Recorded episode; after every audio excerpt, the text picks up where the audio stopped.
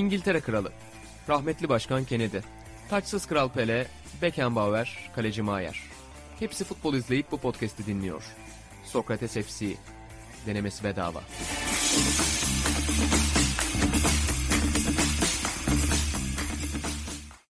Sokrates FC'den herkese selamlar. Orta Doğu ve Balkanların en çok futbol konuşulan podcast'inde ve Sokrates Club programında yeni bir bölümle sizlerle birlikteyiz. Hem de acayip yağmurlu bir İstanbul gününde. Islandık. Çok ıslandım ben. Islak geldik. Yani haftalardır yazdan kalma günler geçti. Bugün bir röportajımız çıktı.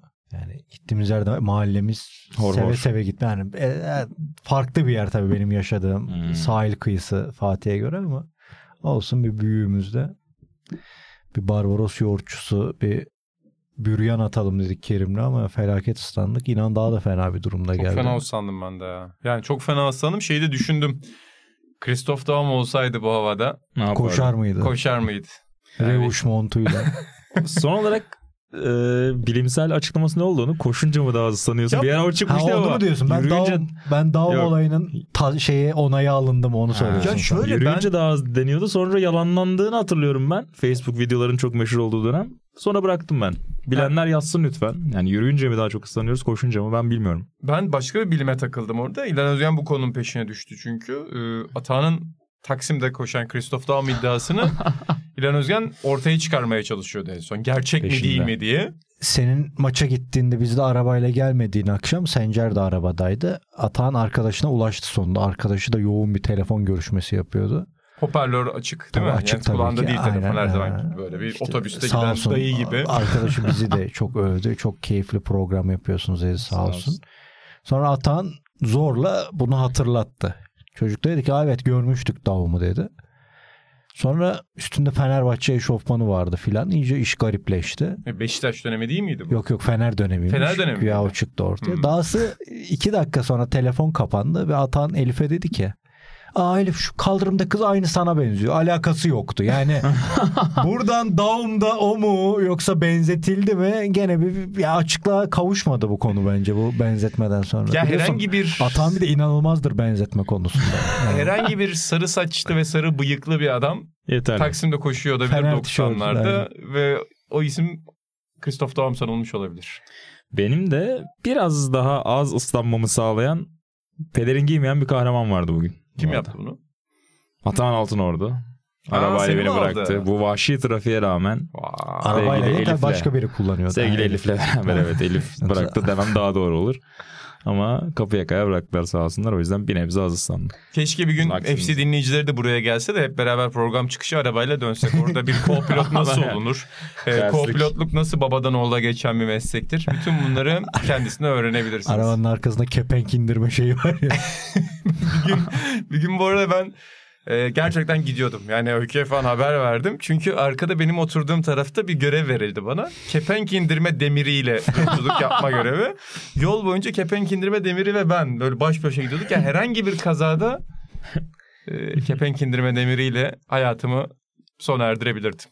Barbaros'tan gidebiliriz bence. Orası açık. Arada veriyor. ya. Acayip bilgi veriyor ya. şey ya teknoloji yani. Çok acayip Teknolojiye bir... bu kadar karşı olup da öyle bir adam. Ama son bölümde baba biz halkın çocukları olarak bu arada ben İnan Özdemir, Buğra Balaban, İlhan Özgen tanıtmamıza gerek yok zaten ama rotasyonumuzda bu hafta bu ekiple birlikteyiz efendim ve son bölümde senin yokluğunda gün tabaklarını konuştuk. Aynen acayip. Ee, Buğra Balaban'ın bir gün tabağı fanatiği olduğu ortaya çıktı. Buğra'nın akşam yemekleri bile gün tabağıdır. Evet yani. sever değil mi böyle küçük küçük Tabii, yapmayı? Favori yemeğiniz nedir? Genel olarak mı? Yemek. Ha çok, Çok zor, zor bir soru. Benim ya. ordör tabağıdır mesela o yüzden sordum. Çok zor bir soru. Benim Benim sevdiğim lazanya yemek. olabilir ya. Lahmacun olabilir yani. Da asla. Hepsine bayılırım ama o çeşit ordör tabağındaki o sürpriz yani beni yakalar.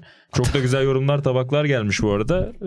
Ee, hepsini ben puanladım bu arada. Ee, tabağınızı puanlamamı isterseniz yorum yazabilirsiniz. Arda benimki bir numaraydı benim için. Gül böreği, sarma, mercimek köftesi, brownie. Tatlı tuzlu. Denge var. Abi o işte o brownie'nin girdiği yer Abi beni bir alıyor tane işte abi. ama sonuncu çayı onunla içeceksin baba. Tatlıyı Bir daha saysana. Gül böreği bu Tamam. abi aç kalmamanı sağlar. Çünkü Tamam. gün uzayabilir. 4 saat 5 saat orada komşuluktasın kalırsın. O seni doyurdu. Sarma mercimek köfte Onlar işte işin okey. 10 numarası böyle hani platiniler bilmem neler böyle hafiften bir e, gustonu alacaksın. En sonunda noktayı brownie ile koyacaksın işi bitireceksin abi. ya brownie olmak zorunda değil. Benim olayım Alman pastadır mesela ama. O kısırla pasta yan yana servis ediliyor o beni bitiriyor. Ben tatlı tuz yerim bu arada. Ben yok. Bulgurlar çikolata. Abi, O ben bulgur çikolata. çok severim o yüzden hiç problem yok. Bir de Ata, atan bunlardan yani 20 tabak falan yer. Ay, ay, ay. Bir tane Aa, daha çok iyi. İnanın payını alıyorum. İnan sen Sen sarma yemiyorsun. Buğra. Bir de en bayıldığım yorum bir önceki videoya gelin onu da söyleyeyim hazır kaparken. Greg T. Egg adlı kullanıcımız yazmış. 25 yıl sonra çünkü Melo Torreira tartıştık baba dinlemişsindir. Adar Altınordu'nun 25 yıl sonra çıkaracağı kitabı 462 sayfalık bu Melo kitabının son cümlesi Torreira daha iyi de olur demiş ya. Tam hatanı biz ya ne kadar iyi tanıdığını hakikaten gördüm.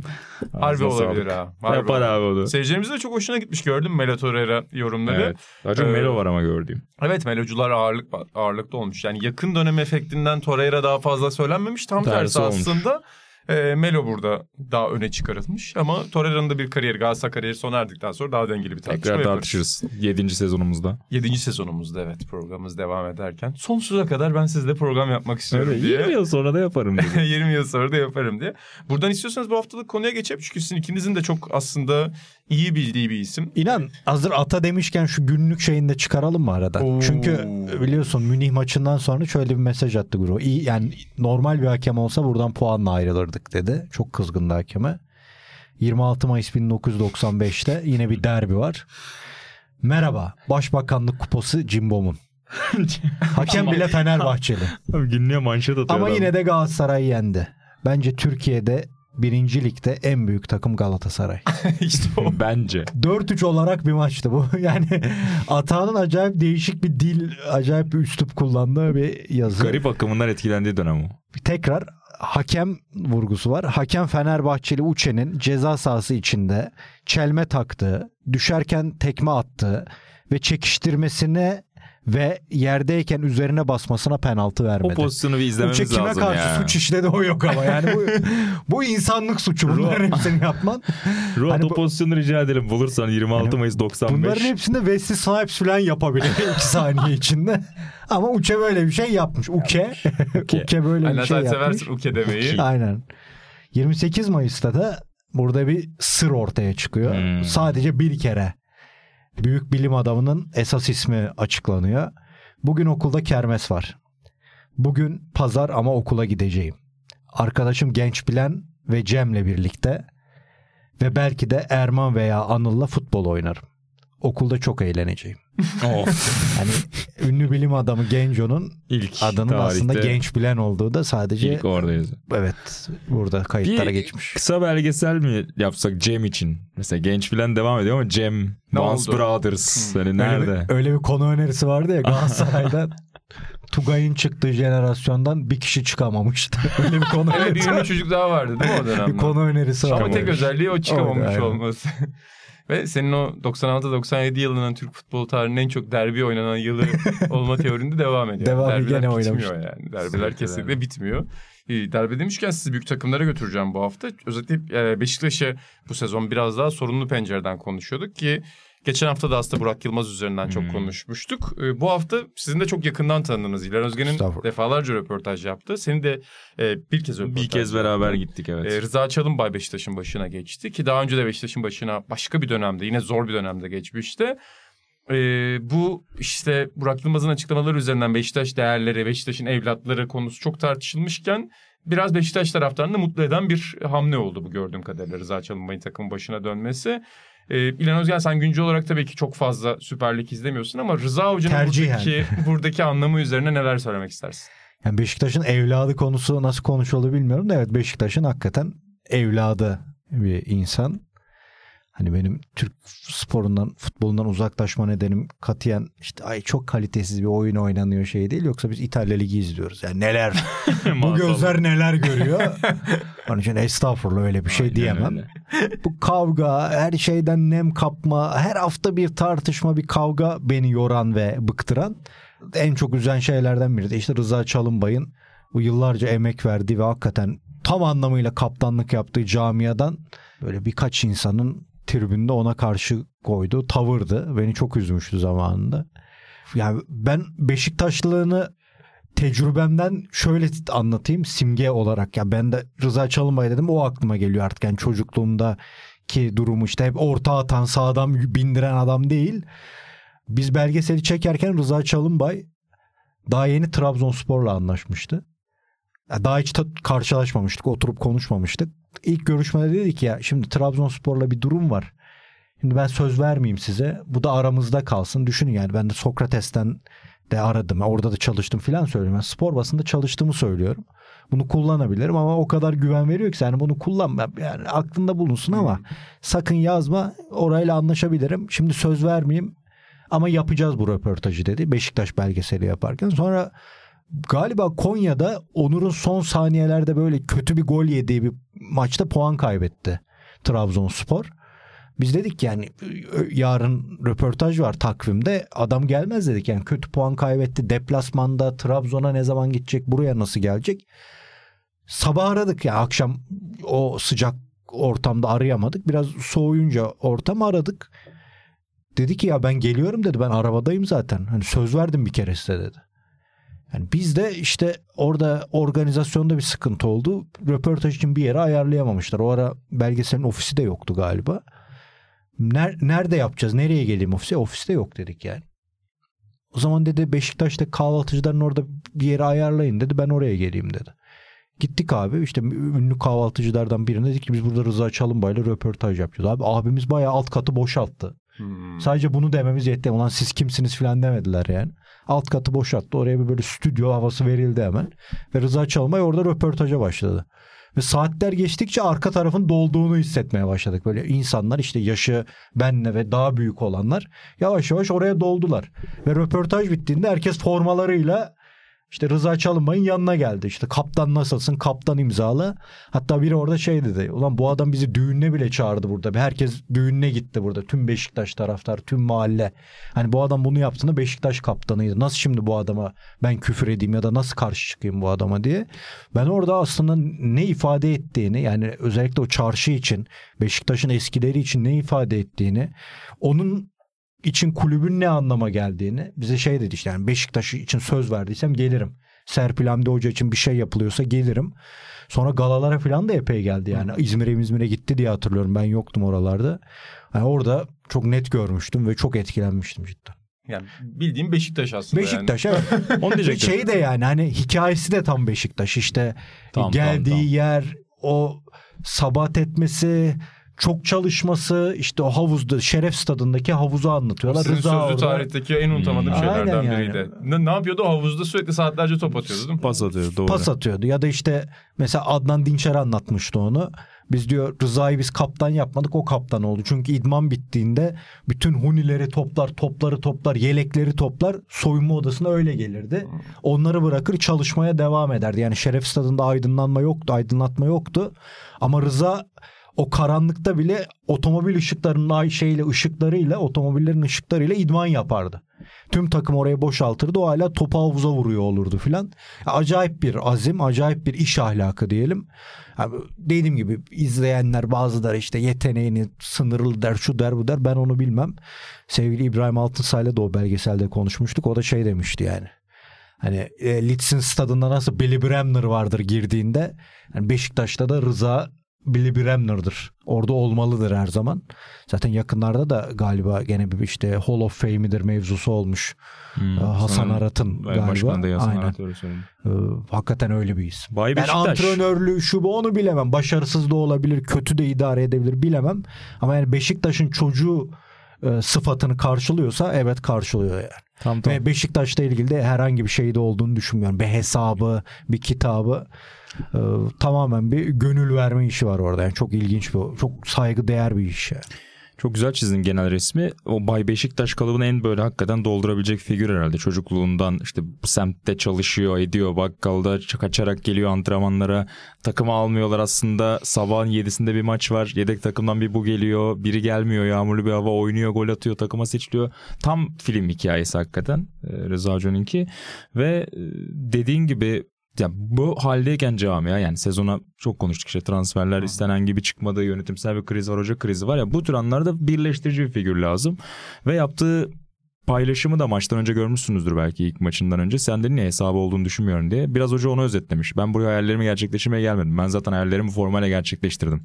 Ki bize verdiği röportajda da yıllar önce. Hani bunun bir hamaset içermediğini şöyle açıklayabiliriz. Yıllar oldu. Kaç? 5 sene olmuştur herhalde. Tabii canım. 5 seneye yakın olmuştur röportajı yapalı biz İlhan'la. Ee, orada da demişti ya ben bütün hayallerimi Beşiktaş formasıyla gerçekleştirdim. Benim hayalim futbolcu olmaktı. Ta Sivas günlerinden orada e, doğuyor. ilkokulda sonrasında buraya geliyorlar. Benim hayalim futbolcu olmaktı. İşte takıma seçilmekti. Önce A takıma girmek, sonra milli takıma girme. Hepsini ben Beşiktaş formasıyla yaptım. Kaptan olmaktı. Bunu başardım. O açıklaması da yeni yaptı. Bu hafta yaptı. Yine onu barındırıyor. Ben hayallerimi gerçekleştirmek için gelmedim. Ben hayallerimi zaten formuyla gerçekleştirdim. Ee, tekrar güzel şeyler yapabilmek için bir araya gelebilmek için geldim diyor. Ben de çok duygulandım hakikaten. Gittim bilet aldım maça gittim ben sonrasında. Oo. Aynen bayağı yani o ilk maçta orada olma isteği ilginç bir şekilde oluştu bende. Ee, orayı izleyince benim de hani çok saygı duyduğum en e, konuştuktan sonra etkilendiğim bende iz bırakan isimlerden biri olmuştur röportaj yaptıktan sonra. O yüzden de gittim izledim ve evet hani sezona kötü girdi Beşiktaş e, işte kombine fiyatları falan da çok tartışılmıştı. O yüzden stat full değildi boştu biraz yarısı falan doluydu ama hocaya hem maçın başında hem maçın sonunda tüm tribünler ayrı ayrı çağırdı etti. Yani bir birleştirici figür böyle bir sezonda lazımdı bence ve hani Rıza Hoca'dan daha iyisini düşünmek de çok kolay değil herhalde. Oyun olarak sence bir değişiklik yani kısa vadede var mı takımda? Yani ilk maç bunun için çok önemli bir test değil sonuçta. Yani orada kazanmak Evet. önemliydi belki onun için ama ne düşünüyorsun orada? Evet abi orada bir skor problemi yaşamamak önemliydi. Çok da eksik vardı yani özellikle Cenk ve Abubakar yoktu. O ikisi olmayınca zaten yaratıcılık sıfırlanıyor maalesef Beşiktaş'ta. Ama biraz şu düşünce hasıl oldu izlerken. Zaten formül şu an bu olmalı Beşiktaş'ın. Yani en azından devreye kadar yaratıcılık problemi varken hani 1-0, 2-1, Hmm. 1-0. Yani bu şekilde biraz hani gemiyi kıyıya yanaştırmak denir ya. Bence öyle bir şeye ihtiyaç vardı. İlk maç kazanıldı. Şimdi milli takım arası dediğin gibi oyuna dair bir şeyleri belki biraz daha takıma yansıtabileceği bir ara olacak. Sonrasında da derbi var.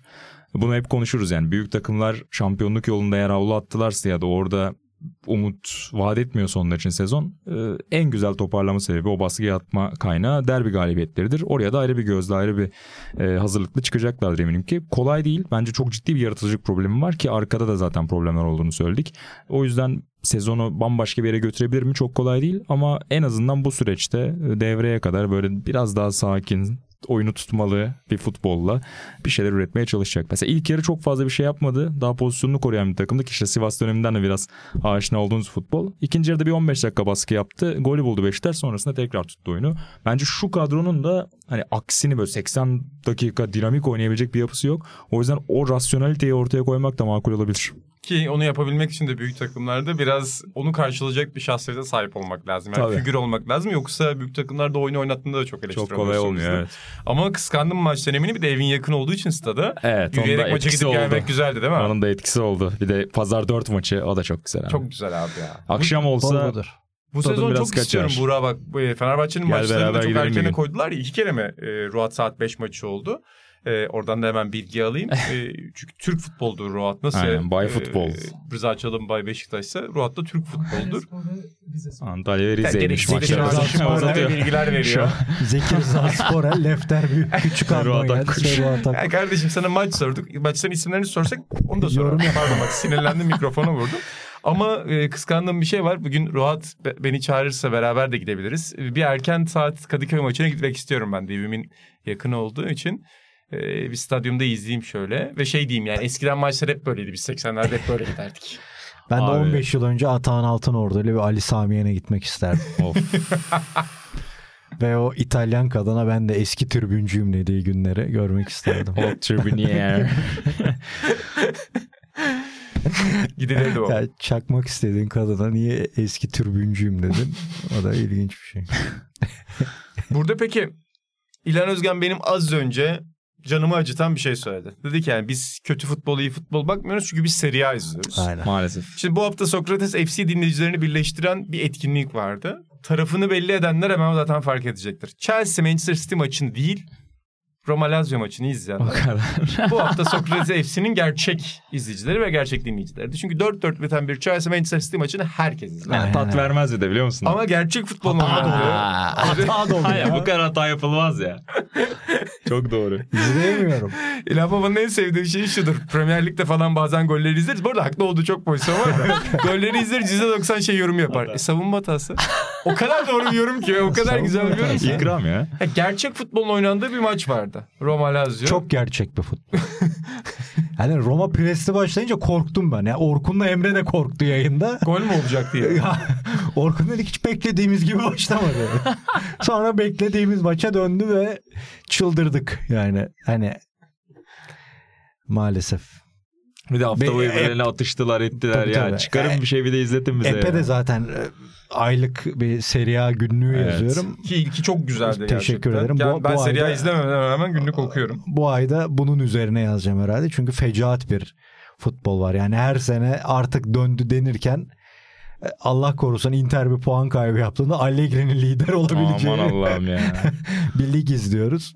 Yani Fiorentina ve Bologna güzel futbol oynuyor dedik. Bu hafta onu da oturduk. Gene evde makarna yoğururken açtım. Gene fecaat bir futbol. Hiç iyi değil. Yani insanlar elbette gider Chelsea City'yi izler. Yani, ya da gider Leverkusen. Hayır bu Avrupa'da aslında bir sorun. Fenerbahçe yani. Adana Demir izledim. İyi Mesela yapmış. tak. Mesela Avrupa'da da bunu hep söylüyorum ben yani hani City orada var. Orada form tuttuğunda hala tehlikeli, yenilmez bir takım gibi duruyor ama mesela ben Bayern Münih'in, Real Madrid'in ya da Barcelona'nın İtalyanlara hiç girmiyorum zaten de ya da Paris Saint-Germain'in uzun süredir Paris Saint-Germain özellikle küçük takımlar için yenilmez bir takımdı. Ya abi Loftus Cheek'e daha çözüm bulamadılar Milan maçında. Yani bu kadar parayı harcıyorsun ama orta sahada o dinamizme karşı koyacak bir oyuncun yok. Yani Avrupa futbolunda da böyle geçen sene Inter'in yaptığını yapıp tek maçta City gibi takımları devirip bir sürpriz şampiyon Sen bu senelerde evet. bekliyorum. Çünkü bir boşluk var cidden. Ki gerçekten o final kazanılabilirdi. Evet işte. Ya o yani. final hakikaten kazanılabilirdi yani. Ben öyle. City dışında böyle ulan bu takımı nasıl ya eskiden öyleydi. Yani Barcelona çıktı mı Evet. Bittin. Münih çıktı Bayern. mı zaten Fark yani mi oraya geçmiş olsundu yani. Ya da Real Madrid her ne olursa olsun Real Madrid diyordun. Yani bu sene tamam övüyoruz ediyoruz da bireysel açıdan ama yani baktığımda öyle korkutucu bir takım. Ya iyi kimse Almanya'da Leverkusen var. Hmm. Almanya'yı bir izleme nedenin oluyor Evet, bir şey yani. sunuyor Aynen. ortaya. Farklı bir şey koyuyor. Yoksa- Bayern Girona Münih'in- İspanya'da. Bayern Münih'in öyle acayip bir yani son iki senedir ben Bayern Münih'i öyle Bayern Münih olarak görmüyorum diyeyim. Union'un da çekilmesiyle zirveden bu Aynen orada bir eksik oluşmuştu. Union biraz fazla çekildi Fazla yani. çekildi yani o kadar uzaklaşmayabilirler. Ya kardeşim ya Bonucci'yi ne alıyorsun? Yaşa ya. Atan Altın orada seni yazdığında yok 3. ligden çıktılar da yok hala mütevaziler de bunu yazdı adam. Bununla ön plana çıktın. Ya Bonucci neyini senin Kaç ya? yaşında Bonucci şu an? 88'li mi Bonucci? 9'lu mu? 8 7'li mi ya da Yine 7'li o kadar olabilir. yaşlı değilmiş. Düşündüğüm kadar şey değil. Var aslında. gene de yani ama neden ya? Bırak Bonucci gitsin şey Empoli'ye gitsin yani. Ama Buğra benim yani Roma Lazio maçında ilgimi çeken Evet. detaylara da bakıyorum hemen. Nedir abi? Toplam şut 9. XG'ler zaten 0.50'ler 0.60'lar. Taç atışı 23. Abi, Bu bu- en sevdiğim detaylardan bir 50'den maçta. çok oynanmış. Sarı kart 7. Ya heyecanlanan, insanı heyecanlandıran birkaç şey var. Biri Genduzi bir ayı top attı. Hmm. Immobile artık eski Immobile olmadığını gösterdi kötü kontrolle. Birkaç Dybala bir şeyler yaptı. Orada da sağ olsun takım arkadaşları ayak uyduramadı. Başka hiçbir şey olmaz mı ya? Ya ve suç onlarda değil. Yani ligin hepsi böyle. Bütün maçları böyle. Gianni Brera ne manşet atardı şu maça peki? Futbol gibi futbol. Çalçıyor. ne derdi? Kaçırdı Mourinho'yu ya. Kaçırdı. Kaçırdı. Aynen, Mourinho çok- çok Gianni Brera ikilisi Çok bir de muhabbetleri falan. bir kitap en iyi çıkarırdı. arkadaşım olurdu. Conversazione con Jose, Mor- Jose Mourinho En iyi diye. arkadaşım ama en çok da ben eleştiriyorum derdi. Öyle. Uçurdu. Salladım galiba. İtalyanca doğru oldu mu baba? Con muydu Yani, İtalyanca e, birlikte? Evet evet. Ha Kon. değil mi? Salladım ama. Arada güzel bir mesaj vermişken arkada Flama'mızdaki mesajı ben merak ettim. Magda Animo yazıyormuş. İlk defa dikkatimi çekti. Sevgili Oynayın. Sencer kazanmayın. Sevgili Sencer Yücel baktı tanımına. With a strong heart demekmiş. Yani güçlü bir kalple falan demekmiş. Şeyden çok korkuyordum. Yani kazanmakla ilgili bir şey çıkar mı diye. Animo Neyse ki zaten- yokmuş. Aynen. Uf. Evet ya kazanmak çünkü hani Salernitaná'da kimse şey demiyor. Yani bizim kulübün tek bir amacı var kazanmak, sportif tersi. başarı. Yani tam tersi senin soyut değerlerle öne çıkman Aynen lazım. öyle. Sen ne düşünüyorsun Roma Lazio konusunda? Beklentilerini Abi karşılayan bir maç felaket ya. Evet ben orada Fener Demir'i izledim. Sonrasında maçın o kadar kötü olduğunu İlhan Özgen'in mesajlarından da görünce özetle yetindim de yani. Yoksa City Chelsea'ye mi gitti? Onu, onu da sonra özetler izledim. Aa. Serie A yalnız genel olarak da öyle. Yani İşte bu maç diyorum, üzerinde değil. onu diyorum yani. Inter dediğim gibi biraz takımın. hariç hani ayrı tutalım ama e, Inter dışında abi herkes bu sene yemin etmiş gibi. Yani Milan'da bir türlü oturmadı ilk bir iki maç hariç. Frosinone falan iyi değil mi? İşte o da yani O da orta sahadan gol yedi bu hafta. Di Marco Hoca sağ olsun ki. O da tamamen ismiyle benim Ha. için. Kalecisi de Inter Aynen, ultrası şu aynen. görmüşsündür. Calciolog koymuş. paylaşmış. O orta sahadan golü yersen hocam tartışılırsın. Öyle tribüne çıkmayacaksın. Geçen sene tribünden fotoğrafı var. orta sahadan gol gerek kalecinin. yokmuş. Onlara gerek Biraz yokmuş. abartmışsın. Yani diyorsun ki bu İtalyan futbolunun ciddi bir sınır- krizi var ama bu sadece İtalya ile sınırlı değil galiba İlhan Özgen'in dediği gibi bir kurak bir Avrupa. Abi, yani ilginç bir Avrupa sezonu. Dediği işte Ya ama- Leverkusen, Girona o taraflar güzel mesela. İşte Sos evet sunuyor. yani İspanya'yı açıyorsun Atletico. Madrid falan yani Mesela futbol ama var abi. İngiltere Ligi'nde zevkli yani maçlar. İtalyanların ya şimdi Doruk'la işte Doruk'un da çok fazla maçı olduğu için böyle bir takvimi çok geniş tuttuk. Yani Buğra ile iki hafta üç hafta sonrasını hesaplayayım. Doruk neredeyse sezonu hesaplayıp ona göre ilerliyoruz. Öyle olunca da ben aralara atıyorum işte. Şimdi Juventus yapacağız mesela yeni yılda yani bu sene değil de da mesela Lippi'nin Juventus'u. Ya şimdi derler ki Lippi de savunma oynatırdı. Abi yani bunu Buğra'yla da çok konuşurduk. Çok izledik o takımı. Abi böyle savunma Allegri falan görse der ki bu çok hücumcu oynuyormuş der Lippi'ye. Yani Del Piero var, Vialli var, Roberto Baggio var, Ravanelli var. Lan nasıl savunma bu yani? Zidane geliyor. Yani öyle bir şey yok ortada. Onlara savunma diyorduk o zaman. Trapattoni'ye savunmacı derler. Trapattoni Fiorentina'sı şu an ligde olsa şey derler. Pepe Pep'in futbolunu benimseyen Trapattoni falan derler. Yani çok fena yerlerde. Misal sevgili Calciolog da bununla ilgili şey yazmış geçen. Hani e, Sakki dönemi öncesine Futbol benzer- bence yani o dönemde benim bilirim biraz ben 80'lerin İtalya'sının o dönemde de keyifli takımları var abi. Şu an hiçbir şey yok. Son iki senedir ya yani Calcio döndü gazına çok geldiler ama hiçbir şeyin döndüğü yok. Napoli'yi Milan ayrı tutalım. E, Geçen Napoli de senenin bu ilk sene, 6 ay evet. Napoli'si. Ama bu sene de büyük düştüler hakikaten. Rudi Garcia Hoca da gitti, Gitti. galiba değil mi? E gitsin artık. Zaten uzatmaları oynadılar onlar. İşte Tabii. Conte'yi getirmeye çalıştı kabul etmedi falan diye başkan hadi biraz daha kal falan dedi yani. Saç olarak herhalde Rudi Garcia'dan sonra kimi getirebilirim dersen Kemal Kılıç yoksa görevde. Conte'yi getireceksin. Kemal Hoca ile ilgili de bir iddia gördük bu hafta ama ne kadar doğru Onu bir bilmiyorum. araştıracağım buradan. Çok, çok iyi. Şu an vermeyelim araştırıp vereceğiz onu. Gitmiş mi peki Rudi Hoca kesin? yani dün ben öyle okudum ama Hmm. bilmiyorum. Adaylar Ama- ne peki Conte dışında? Ee, kimi çıkarmışlar Gallardo. en son ya? Gallardo gel. Baba Gallardo da acayip. bak. Gurme futbol takip ediyorum. Orada River'dan hoca getiriyorum falan diye. Her sene birilerine yazıyorlar. Conte yazıldı. Bir ara biz hani sezon başı İtalyan'a geçiyordu ama şimdi sezon ortası o iş kolay değil. Başkan sen geç. Ha Igor Tudor. Hah Tudor Şimdi bravo. Roat'tan bravo, gelen bravo, bir bilgi. bravo. Tudor Romano'dan tekrar. aldı verdi hemen bana. Bravo bravo. Helal olsun. Bay Roat. futbolcu. Şaka gibi takım çıkarır. Ee, Igor Fakat- Tudor hocam. Rudi Garcia'yı yani Roma'da herkes e, geldiğinde ben Rudi Garcia'yı çok uygun bir antrenör olarak görmüyordum. Söyledim de. Bu kadar da ama hani gelirken bu kadar şüpheyle bakılan çok azdır herhalde. Hani çok belli değil miydi zaten böyle İşte olacağı? Aynen. O yüzden beni şaşırtmadı bu başarısızlık ama şöyle de bir şey var kafamda. Yani Spalletti de kalsaydı Hmm. bu takımı yani o Kaplan'ın gözünü koruyup tekrar şampiyonluğa oynatmak, tekrar o forma çekmek ne kadar kolay olurdu E, bilemiyorum. geçen sene son 3-4 ayı bile. Aynen öyle. Şimdi Osimhen sakat, Kvara formsuz. E zaten böyle oldu mu? E yani kimi Spalletti de tutamayacaktı. Herif Bayern Münih'e gitti zaten. Ha tabii transfer yapabilirdi. Futbol anlayışı işte Lobotka düşmeyebilirdi. Zambo farklı olabilirdi ama ya bu takımların bu sürpriz şampiyonların sonrayı devam ettirmesi, sonrayı da şampiyon gibi oynaması çok zor iş. Büyük takım farkı orada İşte çıkıyor Juventus diyorsun. orada ortaya çıkıyor. Yani iğrenç ötesi futbol da oynasa orada kalıyorlar bir türlü. Mesela Milan da bunu ya- yapamadı daha. Bence Maldini çok önemli bir şeydi orada. Ruhtu. Hani İbrahimovic'in falan da katkısı Ki oluyor. Zlatan'ı yardımcı hoca yapmaya çalışıyorlarmış şimdi. İkisi de gittiği anda Milan'da da koptu onlar. O, orada bana biraz da şey geliyor dediğin gibi yani büyük takım olmak daha farklı Aynen, bir şey. aynen öyle. Değil mi? Hani şampiyon olabiliyorsun tek senede. Ben onu NBA'de de hep şey olarak düşünüyorum. Yani her sene bir tane sürpriz takım çıkıyor ya mesela. Bir de o şey etkisi var bence. Seni başta bir çarpıyor bu takımlar. Yani hazırlıksız yakalandığın Hmm. bir takım, sürpriz bir takım. Bir Kesinlikle. şekilde adapte olman zor. O yüzden genelde sezonların ilerleyen bölümlerinde hem o takımlar düşüyor hem de diğer takımlar da adapte olmaya başlıyor.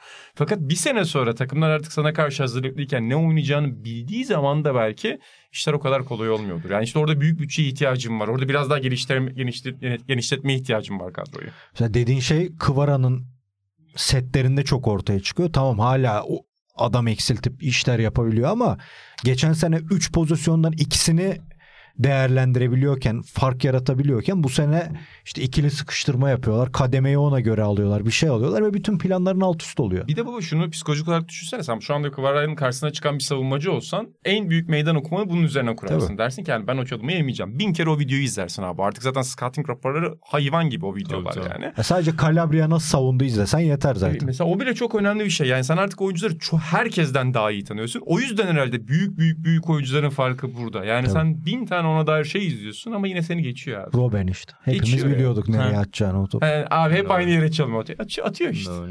Mesela şey de öyle yani. Ben Pioli'yi biliyorsun şampiyon olduğunda da yani hiç böyle ayılmadım bayılmadım. Bence o kadar da hakkıydı. şey bir antrenör değil. Ama şimdi Leao planı ben de hep söylüyorum. Bir planı var topu Leao'ya at. Ama o, bir taraftan da Leao maç seçiyor eleştirileri var.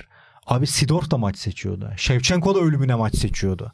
Ama diğer adamlar piyasaya çıkıyordu. Kaka oynuyordu, Pirlo oynuyordu, Kafu bir şey yapıyordu. İşte yani bir ton oyuncum vardı orada.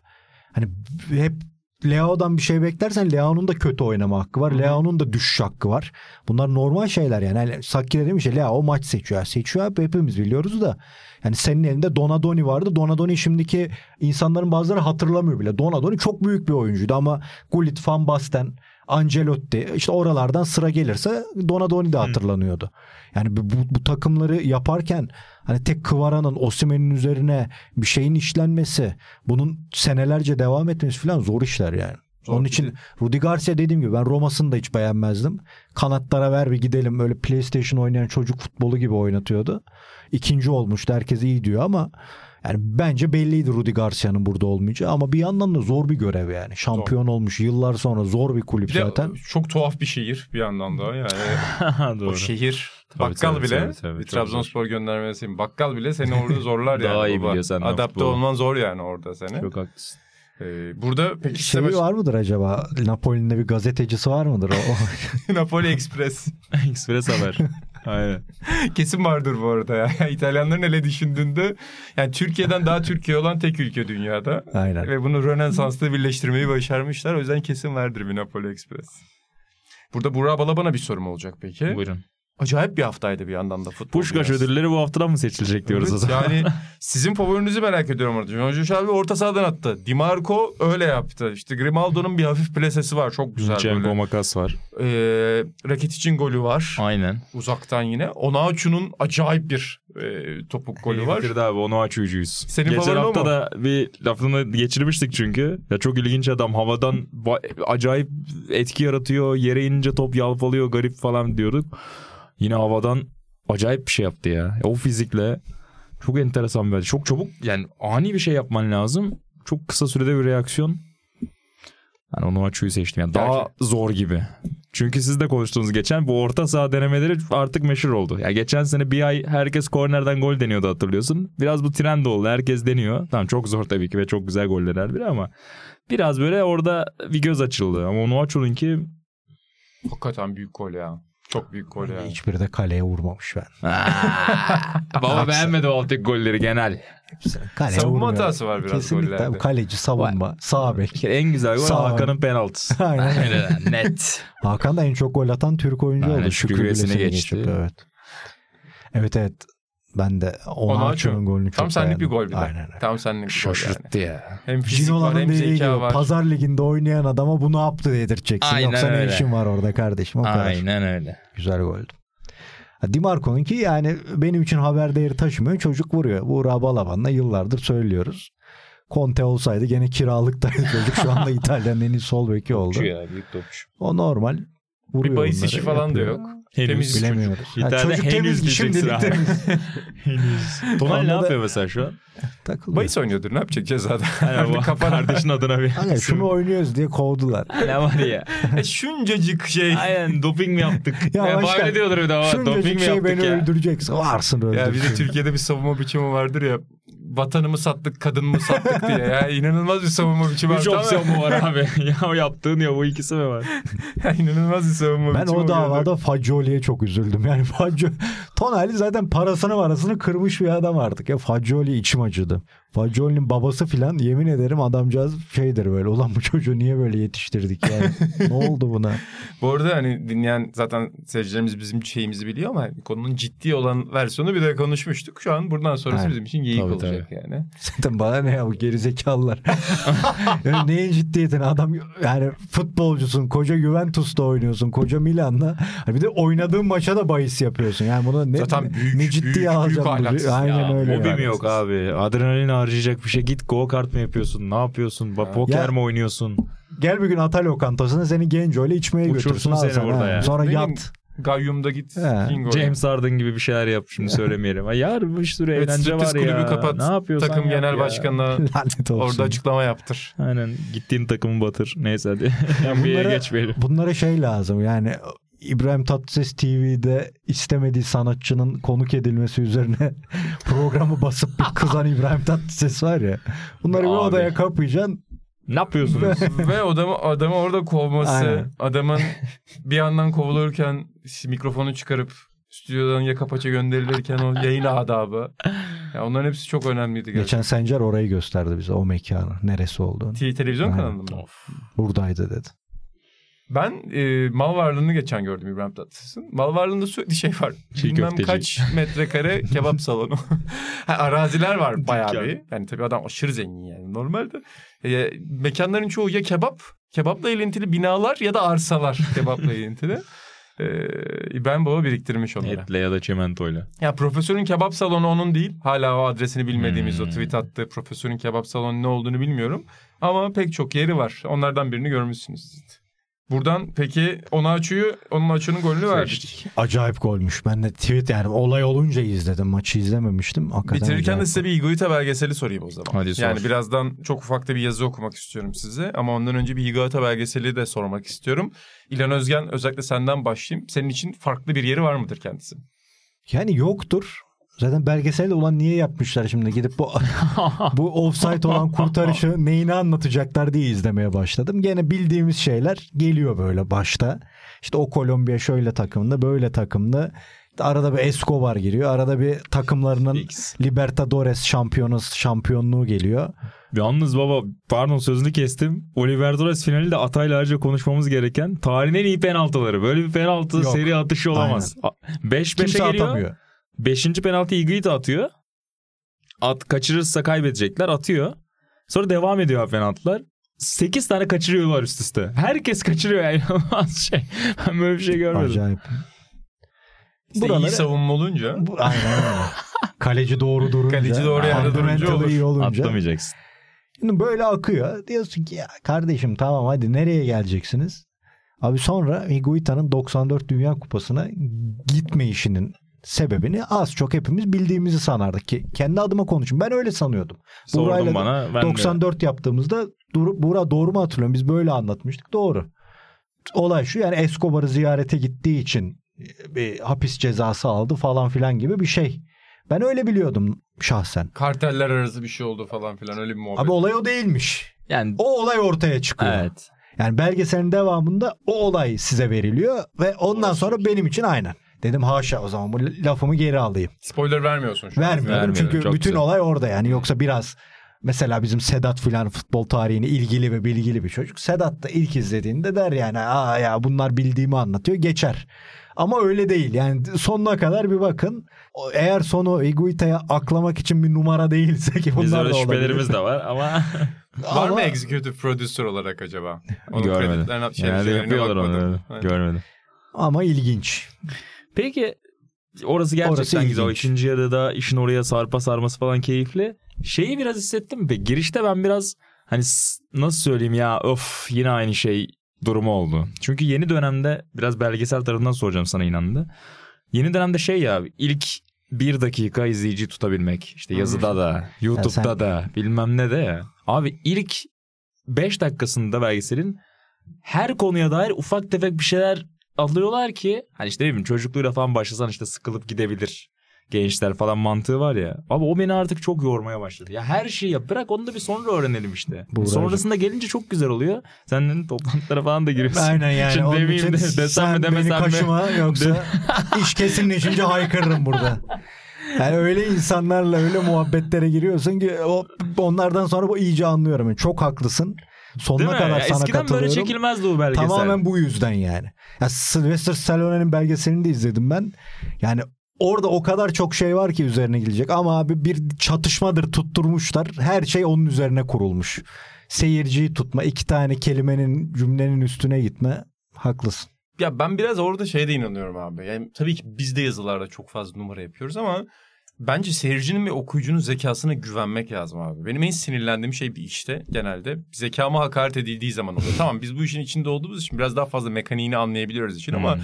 insanlar bence bu işleri yapanlar da bence izleyicilerin aptal olduğunu düşünerek bu işi daha fazla yapmaya başladı. Şimdi bu ezberi de şuna artık dayandırıyorlar. Ya evet işte eskiden vizyona çıkıyorduk. Eskiden festivallerde gösteriliyorduk. Şimdi herkesin iyi olduğu platformları yapacağız. Tamam da yine gerizekalı değil ki insanlar. Yani evet dünyada çok fazla yeni içerik izleyen insan olabilir. Bir insan ilk kez belgesel izliyor olabilir. Evet dikkat eşiği düşmüş olabilir insanların ama biraz da insanın izleyicinin zekasına güvenmek lazım. Bütün cephaneyi başta harcamak, her şeyi vermek, sürekli hızlı kurgu yapmak, oradan oraya sıçramak, sürekli çatışma yaratmaya çalışmak, olmayan çatışmanın peşine düşmek her zaman çok geçerli bir formül olmayabiliyor hakikaten yani. O yüzden ben izleyici ve okuyucunun zekasına biraz güvenmenin önemini düşünüyorum burada. Ve bir sanat eseri yapacaksan yani bu, bunu- buna yazı yazmak şu bu da de içinde. Yani herkes beni okusun, herkes beni izlesinden çok yani Evet, bilmen lazım oluşturmak cidden. istediğin Hı hı. kitleyi senin seçebilmen lazım. Yani ben bu insanlara, bunu bilen, bunu anlayabilen insanlara bir şey yapmalıyım. Öyle bir kitle. Yani eskiden sinemacılar bunu böyle yapmış. Yani Scorsese'nin de çok umurunda değildi. Dünya beni izlesin. O sadece bir e, formül kendine göre, bir formül, bir stil ortaya çıkarıp bunun üzerine gidiyor bu adamlar. Yoksa Metin Erksan da kimse izlemiyor baktığında ama onun peşine düşüyor. Yani iş böyleyken bir anda herkes izlemeli. Herkes, sokaktaki herkes izlemeliye gittiğinde böyle saçma sapan bir üslup, saçma sapan bir kurgu ortaya çıkabiliyor. Zaten algoritmalar ve fokus gruplar artık bu işi belirliyor gibi. O çok rahatsız edici. Çok yani artık her şeyi ya. fokus gruplara koyuyorlar. Her şeyi testlere koyuyorlar ve senden istiyorlar ki Burak da özdeşleşsin, İlhan da özdeşleşsin, İnan da özdeşleşsin. Hani bizim üçümüzün de bambaşka karakterler oldu. Tamam, o kadar da değil abi. Ha, İnan da özdeşleşmesin bu Focus sefer Group'taki yani. adam da Iguita belgeseli izlemesin zaten abi Evet. anladın mı? Yani bu kadar niş hipster bir kaleciyi zaten ve annem bir izleyecek kitle belli olsun aslında dediğin gibi ama tam tersine gidiyor herkes. Nerede daha fazla insan alabiliriz? Nerede daha fazla izleyiciye gidebiliriz? Ki ben Yuta belgeseline değil ama genel olarak şuna inanıyorum abi. Bazen artık genele değil detaya detaya detaya detaya detaya inmek daha fazla seyirci çekebiliyor aslında. Hep bu kuralı konuşuruz ya. Bazen çok fazla lokal olmak aslında sana çok fazla global izleyici getirir. Çünkü insanoğlunun deneyimi küresel çapta ortak olabiliyor pek çok konuda. Yani senin gerçekten bir e, Trabzon'da geçen bir hikayeyi veya Anadolu'da geçen bir Kore'de hikayeyi... bir Bodrum'da katında geçen hikaye Oscar'a kadar yükseldi Aynen ya, attığım illa baktığım. böyle onu bir Osman şimdi artık bir de öyle bir moda var ya Osmanlı efsunlu şeyi yapıyorlar. Eylül. Ya da işte Cumhuriyet tarihinde efsunlu bir hikaye koyuyorlar. İstiyorlar ki fantastik olsun, bilim kurgu olsun, tarih girsin.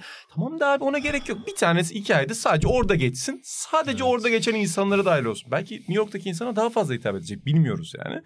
O yüzden bu iş yani başka bir konu açtık. Ben Egoita'dan çıktım tamamen ama söylediğin şey beni de olarak. çok ilgilendiriyor abi. Bakalım. Çok şey yapıyorum. Bu arada Winning Times'ın da pat diye bitmesine de teessüflerimi sunuyorum. Buradan Sunamadım prodüktörlere de söyleyelim. Bu arada Winning yazar, Time mı? yazar Jeff Pearlman Twitter'a yazdı. Dedi ki bu sene daha fazla beni paylaşın. Bizim e, şeyi daha fazla atın. Çünkü yenilenmeyebilir. İşte HBO abi. yenilemeyebilir dedi. Yenilemedi. Tam işte biraz dediğimizin de yansıması aslında. Hı hı. Yani daha genişe ulaşamamışlar atıyorum belki ve bileti kesilmiştir. Yani ne olursa olsun abi değerli bir iş yani. Anladın mı? Ta Hani- İstanbul'da insanlar bunu merakla bekliyorsa ya bunu yap işte iki sezon üç sezon. Bir de yani Lakers daha şampiyonluk kazanamadan dizi bitti. Değil mi? abi. Aynen aynen. Yani Time kazandı da. abi Ha, ben başladım diziye de Yani devam etmedim. Bir tane arada çıkardılar Magic Johnson'ın çaylak Aa, sezonunu. aynen Sonra abi. kaybedenle bitti. Daha kazanmıştı ama diye Losing time olarak. yani. Rezalet bir Not sondu. winning time. Ve Ah. İlk sezonun ilk üç bölümü bence çok karikatür yani birçok eleştirilecek yeri var. Sonra işi iyice Pat Riley'i de e, merkeze koyduktan sonra güzel bir biyografik işe dönüşmüşken uçtu gitti. Yani bıktık artık. Değil mi? Prodüktörlere buradan Aynen öyle. sesleniyoruz. Tam Metin Özgen de başlamıştı izlemeye. Dünya Aynen sinemasına ve dünya televizyoncularına da buradan sesleniyoruz. Yani boş verin bazı işlerde öyle başarısız olsun az kişiye hitap etsin daha güzel oluyor. Bizim bugün kült bildiğimiz dizilerin çoğu The Wire mesela 10 kişi izledi The Wire yapılırken. Şimdi hala Şimdi her yerde izleniyor. HBO'nun gelmiş geçmiş en büyük dizisi diye geçiyor. Böyle işler böyle oluyor yani. Aynen öyle. Dediğin gibi Metin Aksan'ı kim izledi? Metin Aksan battı zaten susuz yazdan sonra kendi istediği filmleri çekmek istediği için sevmek zamanı sorusu yok neredeyse adamın kariyeri yani. Çünkü böyle oluyor bu işler. Geçen ben de bir şey gördüm Scorsese'den sinirlendim. Biri yazmış. İşte Apple'dan şu kadar para aldı şöyle zarar attı. Ulan sana ne ya? Onu da Apple düşünsün yani anladın mı? Apple'ın muhasebecisi misin sen yani? Ulan bırak Scorsese de zarar etsin yani. Herkes mi kazanacak yani? 50 milyon dolar da o geçirsin yani Apple'a. Ne olacak? Sinirlendim baba. Scorsese deyince de aklıma geldi. Apple için muhasebe hatası falan zaten bahsedilen muhtemelen Ya zararlar da yani. Günlük zarar nedir Allah aşkına o filmden yani ne olacak yani Scorsese'ye 100 milyon dolar zarar. Paul Thomas Anderson'a da aynısını söylüyorlar sinir oluyorum yani. Böyle futboldaki tarz bir sinemada da var muhasebecilik. Yani bu film başarısız. Niye? Lan başarıyı bununla mı ölçüyorsun yani? Başka bir şey vardır belki orada başarı başarısızlık ölçtü. Öyle kuşaklara iş yapma falan yani o da çok karşı. O bu kuşak bunu izlemez. İyi de ya 10 sene sonra bu kuşak değişecek. Evet. Belki de onlar da bunu izlemeyecek. Ne o zaman ne yapacaksın? Kaldığında bu eserin kaldığını düşün. Yani ilginç bir şey. ya. Peki size hediyelerimi getirdim arkadaşlar. Size değil daha Evet. doğrusu İlhan Özgen'in çünkü Burak'da vardır. Var Ee, bende. evet. Burak Balaban'ın da yazarlarından biri oldu. İlhan Özgen'in de yapım sürecinde emeklerinin olduğu bir kitap. Teşekkürler bölümünde senin de adını gördüm İlhan Özgen. Yanlış mı biliyorum? Estağfurullah. Ee, sevgili e, Sokrates FC'de de yıllarca beraber çalıştığımız podcast'te Cem Pekdoğru tarafından hazırlanan bir Basket İstanbul kitabı. İstanbul Büyükşehir Belediyesi yayınlarından çıktı. Ee, ağır bir iş. Kıymetli bir iş. Aynen. Ee, ama lütfen e, eğer gücünüz, şeyiniz, ilginiz varsa, bu konuya dair merakınız varsa alın okuyun efendim. Böyle eserler biliyorum şey oluyor. Alınır genelde. Ya ben bunu bir gün okuyayım, Arşiv. okuyayım deyip okunmaz ama Şurada şöyle. gerçekten çok ilgi çekici yazılar var. App'te de Cem'den süreçle ilgili bir yazı rica ettik. Hmm. Bir sürprizimiz daha olacak Güzel. Cem'in yazısıyla birlikte. Yani iki tane Kitapları- aslında bu kitabı Aynen öyle. içinde o kitabın dünyasında olan iki yazıya yer vereceğiz Aynen. değil mi? Biri sürpriz. Ee, Tavsiye Gerçekten ben de Siz içinde bulundunuz. Evet, İkinizin de evet. biliyorum yaptıklarını. bir dosyayla e, katkılarını çok da keyif almıştım e, hazırlarken. İnanın da e, Battal abiyle e, Yok. ilgili olan burada değil değil mi? Evet, Tamam pardon evet. karıştırdım. E, onu da gördüm. ilgimi çekti okuyacağım. Şey yani çok kapsamlı ve hakikaten basketbol tarihine dair bir şeyler okumak etmek istediğinizde e, başucu kitap olabilecek bir kitap. Cem'in de ellerine sağlık. Çok uğraştı biliyorum bir de. O yazıyı da merak ediyorum. Okuyacağım onu da. Sizin yaptıklarınızı okuyamadım da ama Cem'in röportajını okumuştum burada. Necati Güler ve Melih Erçin'le birlikte Hmm. acayip eğlenceli bir röportaj ki zaten ikisi de feci eğlenceli adamlar. Özellikle Melih Erçin herhalde YouTube o dönemler patlasaymış ilk büyük Fenomen mi olur? inanılmaz bir şey olurmuş. Yani bize 3 saat Bodrum'da e, bir stand-up gösterisi sundu. Çok lüks bir site içinde inanılmazdı yani. Ve şey de söyleyelim hani İstanbul'un basketbol tarihi gibi düşünmeyin. Aynı zamanda Tabii, tabii. yani Türkiye'nin de basketbol tarihi Tabii. var. İstanbul dışında bir basketbol tarihinde bulursunuz. Yani Cumhuriyet'in basketbol serüveni gibi aslında. Zaten hani siz çok içindesiniz. Benim de bildiğim kadarıyla zaten küçük bir camia o zaman salon sporları. Yani Tabii 80'lere kadar. biri Ankara'ya gidiyor, biri Ankara işte Erdal Poyrazoğlu Ankara'da yetişmedir aslında ama sonra İstanbul'a geliyor. işte buranın da simgesi Aydın oluyor. O evet. Ya özellikle Ankara İstanbul arası çok fazla alışveriş var. Doğru.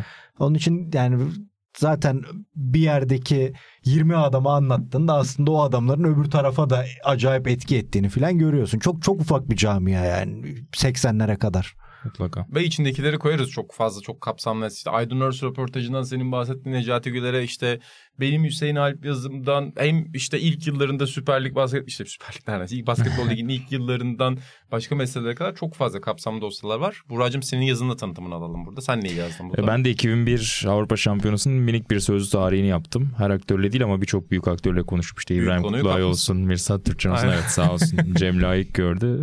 Ee, Aydın Hoca ile Aydın Örste sağ olsun. Uzun uzun. Hatta bir günü sığmayan ikinci güne e, taştığımız mülakatımız olmuştu. Çok zaman ayırdı sağ olsun. Ee, güzel de bir iş çıktığını düşünüyorum. Umarım tabii okuyanlar değerlendirir ama e, keyifli oldu. Herkesin eline sağlık. Bu kitabın da reklamını sana geçmeden önce ben ufaktan yapayım. Tabii. Sicim teorisi çevrildi ki hani tenis az önce dediğimiz konuya da bağlanıyor aslında. Yani her spor ya da her şey e, 6 milyara 7 milyara hitap etmek zorunda değil. Tenis de öyle. Sevenlerin çok sevdiği ve e, şey bir kitap ama tenise dair belki sporcular kadar büyük etki yaratan yazılara sahip isimlerden biri de David Foster Wallace. Yani Federer'in maçlarından illa ki o paylaşılıyordu ya o Kesin, yazıdan bir şeyler. kesin. Mutlaka paylaşılıyordu. En ikonik eserlerinden biri diyebiliriz. E, Senin ve Cem'in katkılarıyla Türkçe'ye çevrildi. Ellerinize sağlık. Çok kıymetli işler. 80 milyon okumak zorunda değil ama bazı şeylerin de Türkçe'ye çevrilmesi Z lazım. kuşağı okur mu bilmiyorum. Benim için de ilginç bir deneyim oldu Buğra'cığım. Çünkü yani çevirmenliğin ne kadar zor bir Zor iş olduğunu bu kitapta anladım. Yani bir Çok çevirmen zor. iddia edemem. Saygısızlık olur çevirenlere. Bana sadece böyle bir görev, bir hoşluk olarak böyle bir şey önerdiler. James sağ olsun projeye dahil etti. Siren yayınları da en azından çok kötü yapmayacağıma dair bir iknada bulundu demek ki ve e, bu sayede kitabı çevirdik. Aslında yıllara dayanan bir süreç oldu. Biraz bizim Hmm, için hatırlıyorum. 5-6 sene önce başladığımız bir projeydi ama o kadar zor metinler var ki sen diyorsun ya Tabii, tenis tabii. herkese hitap etmez diye. David Foster Wallace bir de iyice böyle onun dibine kadar girmeyi çok sever ama bizim az önce söylediğim şey yani bazen de bu kadar kazımak abi. Bazen 100. sıradaki bir oyuncunun hikayesini anlatmak bile bir özdeşlik yaratabiliyor. İşte Michael Joyce'dan Tracy Austin'a kadar, Roger Federer'den bir kısmı günümüzün yıldızlarına uzanan süreçte aslında tenisin evrimini eski bir tenisçi olan kendisi de amatör seviyede küçükken tenis oynamış David Foster Wallace anlatıyor. Acayip zor metinler var. Herkese hitap edeceğini iddia etmiyorum ama belki bu da iyi bir satış stratejisi olabilir. Sizin gibi efendim entelektüel okuyuculara hitap eden bir yazı. Yani alıp okuyacağınızı ve anlayacağınızı Aynen. biliyorum yani. Mesela ben de McEnroe ve Borg'dan beri izlemiyorum tenis. Aynen. Artık dönüş Sarmıyor vaktin ama geldi senin. okuyacağım. Hıncal abinin öyle bir şeyi var. Tenisi Ondan bitirdiler değil mi? Rahmetli. Onun ve Milyon oyunu kalmadı. Vur ikinin geç, vur 81 geç. hangi finalinden sonra izlemiyorum falan Savun diyor. geç. Ee, Onun hep söylerim bisikleti vardır. Charlie Gaulle. 1957 Fransa bisiklet turu şampiyonu. Biz diyor o dönemlerde Tan gazetesinde bunun haberlerinden. Tamam da baba bari 57'de bırakmasaydın bisikleti. Hani bir bari bir bir Merckx 85'e falan gel. diyor var. Hani bir Greg LeMond'a gel bari. Hani e, Charlie Gaulle'da niye bırakıyorsun yani?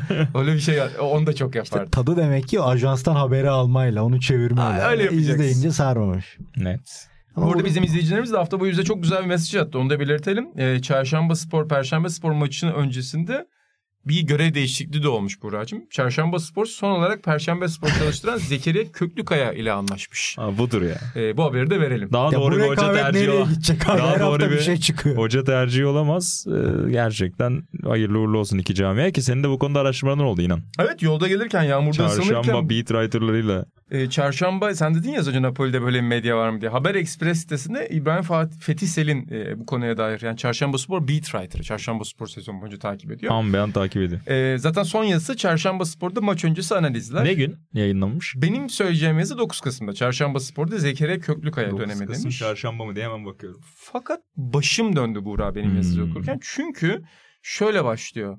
2021 9 Kasım 2022 Perşembe değil mi 9 ya? Kasım Perşembe abi. 10 Kasım Perşembe günü yazmış çarşamba günü hakkında. Şey, çarşamba spor hakkında pardon. Bak bu da ama psikoloji olabilir ters psikoloji. Bak 9 Kasım'da şöyle bir yazı yazmış. 2021-2022 sezonunda Kenan Yelek Hoca ile çıktığımız 3. ligden 5 maçta 1 puan alınca Kenan Hoca ile yollarımızı ayırdık normal tabii. Maalesef. Akabinde Ufuk Sarı Hoca ile anlaştık. Ligin bitimine 4 maç kala küme düşmenin en büyük adayıydık ve onu da göndererek Mehmet Seçkin hocamızla anlaştık ve 3. ligden düştük. Şimdi bütün haberler verildikten sonra yani bütün takımların karnesi sonra düşme kısmı çok ya, hızlı geçiyor ya burada. Unutulmak istenen bir an gibi. 2022-2023 sezonunda bence yanlış bir kararla Mehmet Seçkin Hoca ile devam ettik ve Naçizane. başarılı olamadık. Zaten Naçizane. söylemiş. 2023-2024 sezonunu Ünsal Yaşar Hoca ile başladık. Doğru olduğunu inandığım bir kararla iki maç sonunda yolumuzu ayırmak zorunda kaldık. Onunla da yolumuz ayrılıyor.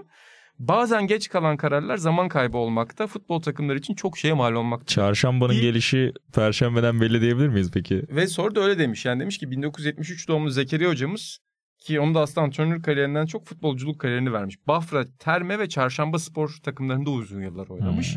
Ve 3. ligde 156 maç oynayıp 19 gol atmış. Pozisyon herhalde forvet değilmiş. Fakat benim için yazının en kritik yeri şu oldu abi. Her şeyi anlatıyor. Zekeriya Hoca'nın antrenörlük kariyerini çok güzel bir biyografiyle vermiş. Son cümleler. Çarşamba Spor bir markadır. Sorumluluğu ağırdır ve tek gerçeği vardır. Başarılı olmak ve şampiyon olmak. Abi ilk paragraf tam tersi bir resim çizdi. Hayır bu, bu ya Çarşamba Spor'u da Perşembe Spor'u da böyle sadece şampiyon olmaya endekslemek öyleyse bir hoca var sadece gidebilecek de. Kemal Kılıç tabii ki. Kısa dönem uyumcu konusunda tecrübeli. O 3 ayı aşarsan yolun devamı. Şampiyonuz. Ya hoca Aynen. otelden eve geçmek istemediği için genelde 2-3 ayda bitiriyor şeyleri. Ee, konuk evinde kalıyor ya da muhtemelen Ev bu aynen aynen. Ev bulamıyor büyük ya ihtimal. soyut kavramlarla bağdaştırmak çok daha doğru değil mi ya? Hani bu kulüpleri. Hani Her Bayern zaman, değilsen. Her kulübü öyle abi. Her kulüp. ya. Spor dediğin acı çekmektir. Ya bununla ilgili çok meşhur bir yazı da vardı. Şimdi unuttum yazarını o yüzden sallamıyorum ama. E, spor dediğin kaybetmektir ya. 18 Diyorsun. takımın biri kazanır. Şimdi- Ve o da o sezon kazanıyorsa bir, ertesi sezon büyük ihtimalle kaybeder. Hani her spor için benzerini çıkarabilirsin. Djokovic falan gibi istisnalar değilse. O yüzden kazanmak üzerinden spora bağlanmak Haywood Brown'u mu söylüyordun acaba? sanırım. Mesela- yani yanlış hatırladım. Hani- spor size Ül- neyse bulursa okuruz. Mesela ülke futbolunda büyük oyuncular yetiştirmek böyle kulüplerin Falan. bir amacı Duruş, olabilir. Bir Halkın takımı hani o tür şeyler Ya da- olur, Ya da genel işte çocukları kötü alışkanlıklardan uzaklaştırıp ya da spora semtteki gibi. futbol kültürünü canlı gibi tutmak. aynen. Her yani. zaman Onlar böyle olmalı kıymetli aslında. şeyler işte Evet. kadırgada filan. Çok önemli. Onları görürsün hatta ben de çok severdim Mehmet Tam tersi bunun hayatta. bitmesi zaten Türk futboluna E çok tabii zarar veriyor. kesinlikle yani. Hani oradan çıkarıp da dediğin gibi ama bizim de böyle bir takımımız olmalı. Çatladı Kapı Spor buna uygun olabilir yani bize. Çarşamba Perşembe derbisini kazananla böyle bir bağlantı mı kursak acaba? İstanbul'da bir semt takımı bulmalıyız. Bulalım. Jimmy Preston ya şimdi hatırladım senin dediğine kadar. Bence Jimmy Preston'dan bahsediyorsun. Ama Yani bulmaya çalışacağım keşke ama... şöyle bir cümlesi olsa Jimmy Preston'ın. Zekeriya hocam tekrar hoş geldin ve hayırlı olsun. Biz spor yazarları sahaya gider ve bize sunulan ürüne bakar. Objektif değerlendirme yapmaya çalışırız. Bu kadar. Bak ama şu da güzel yani çalışırız. Ya, objektifiz demiyor. Olabilir çünkü. Objektiflik kıl bir şey. Ama insan da yerel basına girince çıkmak istemiyor baba. O yüzden kendimi almam lazım burada. Bütün yazıları okuyorum sonra. Evet Çünkü- evet ben de geçen yani isim vermiyorum bazen alınıyor insanlar da öyle bir şey çıktı karşıma Facebook'ta. Bir anda kendimi o ilçenin bütün haberlerini okuyor halde Hiç buldum. Acayip bir şey. ya. Acayip bir şey. Evet çarşambalarda lütfen bize kızmasın. Biz istiyoruz ki yerel kültür Tabii, devam tabii, etsin. Sadece yerel futbolda hani tek Kazanmayabiliriz ya. şampiyon olmak da olmasın be abi. Kazan aynen öyle. Bu konuda hep aklıma şey geliyor. Gene isim vermeyeceğim de yıllar önce bir Anadolu takımı Beşiktaş'ı mı ne yenmişti kendi evinde. Başkanı şey demişti. X, X gibi oynarsa Real Madrid'i bile burada yeneriz Allah'ın izniyle ya. Abi. Ne yaptım Şimdi bana? niye yani puan aldık küçümsenmememiz lazım de geç yani. Niye bu kadar meydan okudun hemen? Niye Real Madrid'i karıştırıyorsun? de aynı? X, X gibi oynarsa niye bugüne kadar oynayamadı da? Hakikaten karıştırmamak lazım ve tarafsız bir yönetim diyoruz. İnsanların günlüklerine özellikle genç çocukların günlüklerini de sandırmamak için. Ee, Ve Uçen'in o hareketini merak ediyoruz bakacağız. muhtemelen yok. 95 Başbakanlık Kupası birinin abisi babası Bitti. kaydettiyse videoya lütfen maçı bize de göndersin. Yazıyı buldum. Matt Taibbi'nin yazısı. Ha. Matt. Ee, spor neden loserlar içindir, kaybedenler içindir der. Güzel güzel anlatır. Mets taraftarlığında yaşadığı o dertleri falan da anlatır.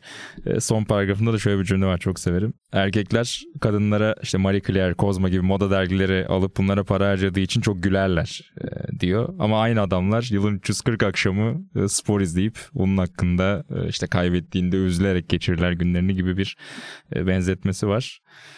Güzel bir yazıdır tavsiye ederim. Çok severim ben de. Tayyip Hoca. Çok, Peki. çok sert de siyasi yazıları vardır. Aynen.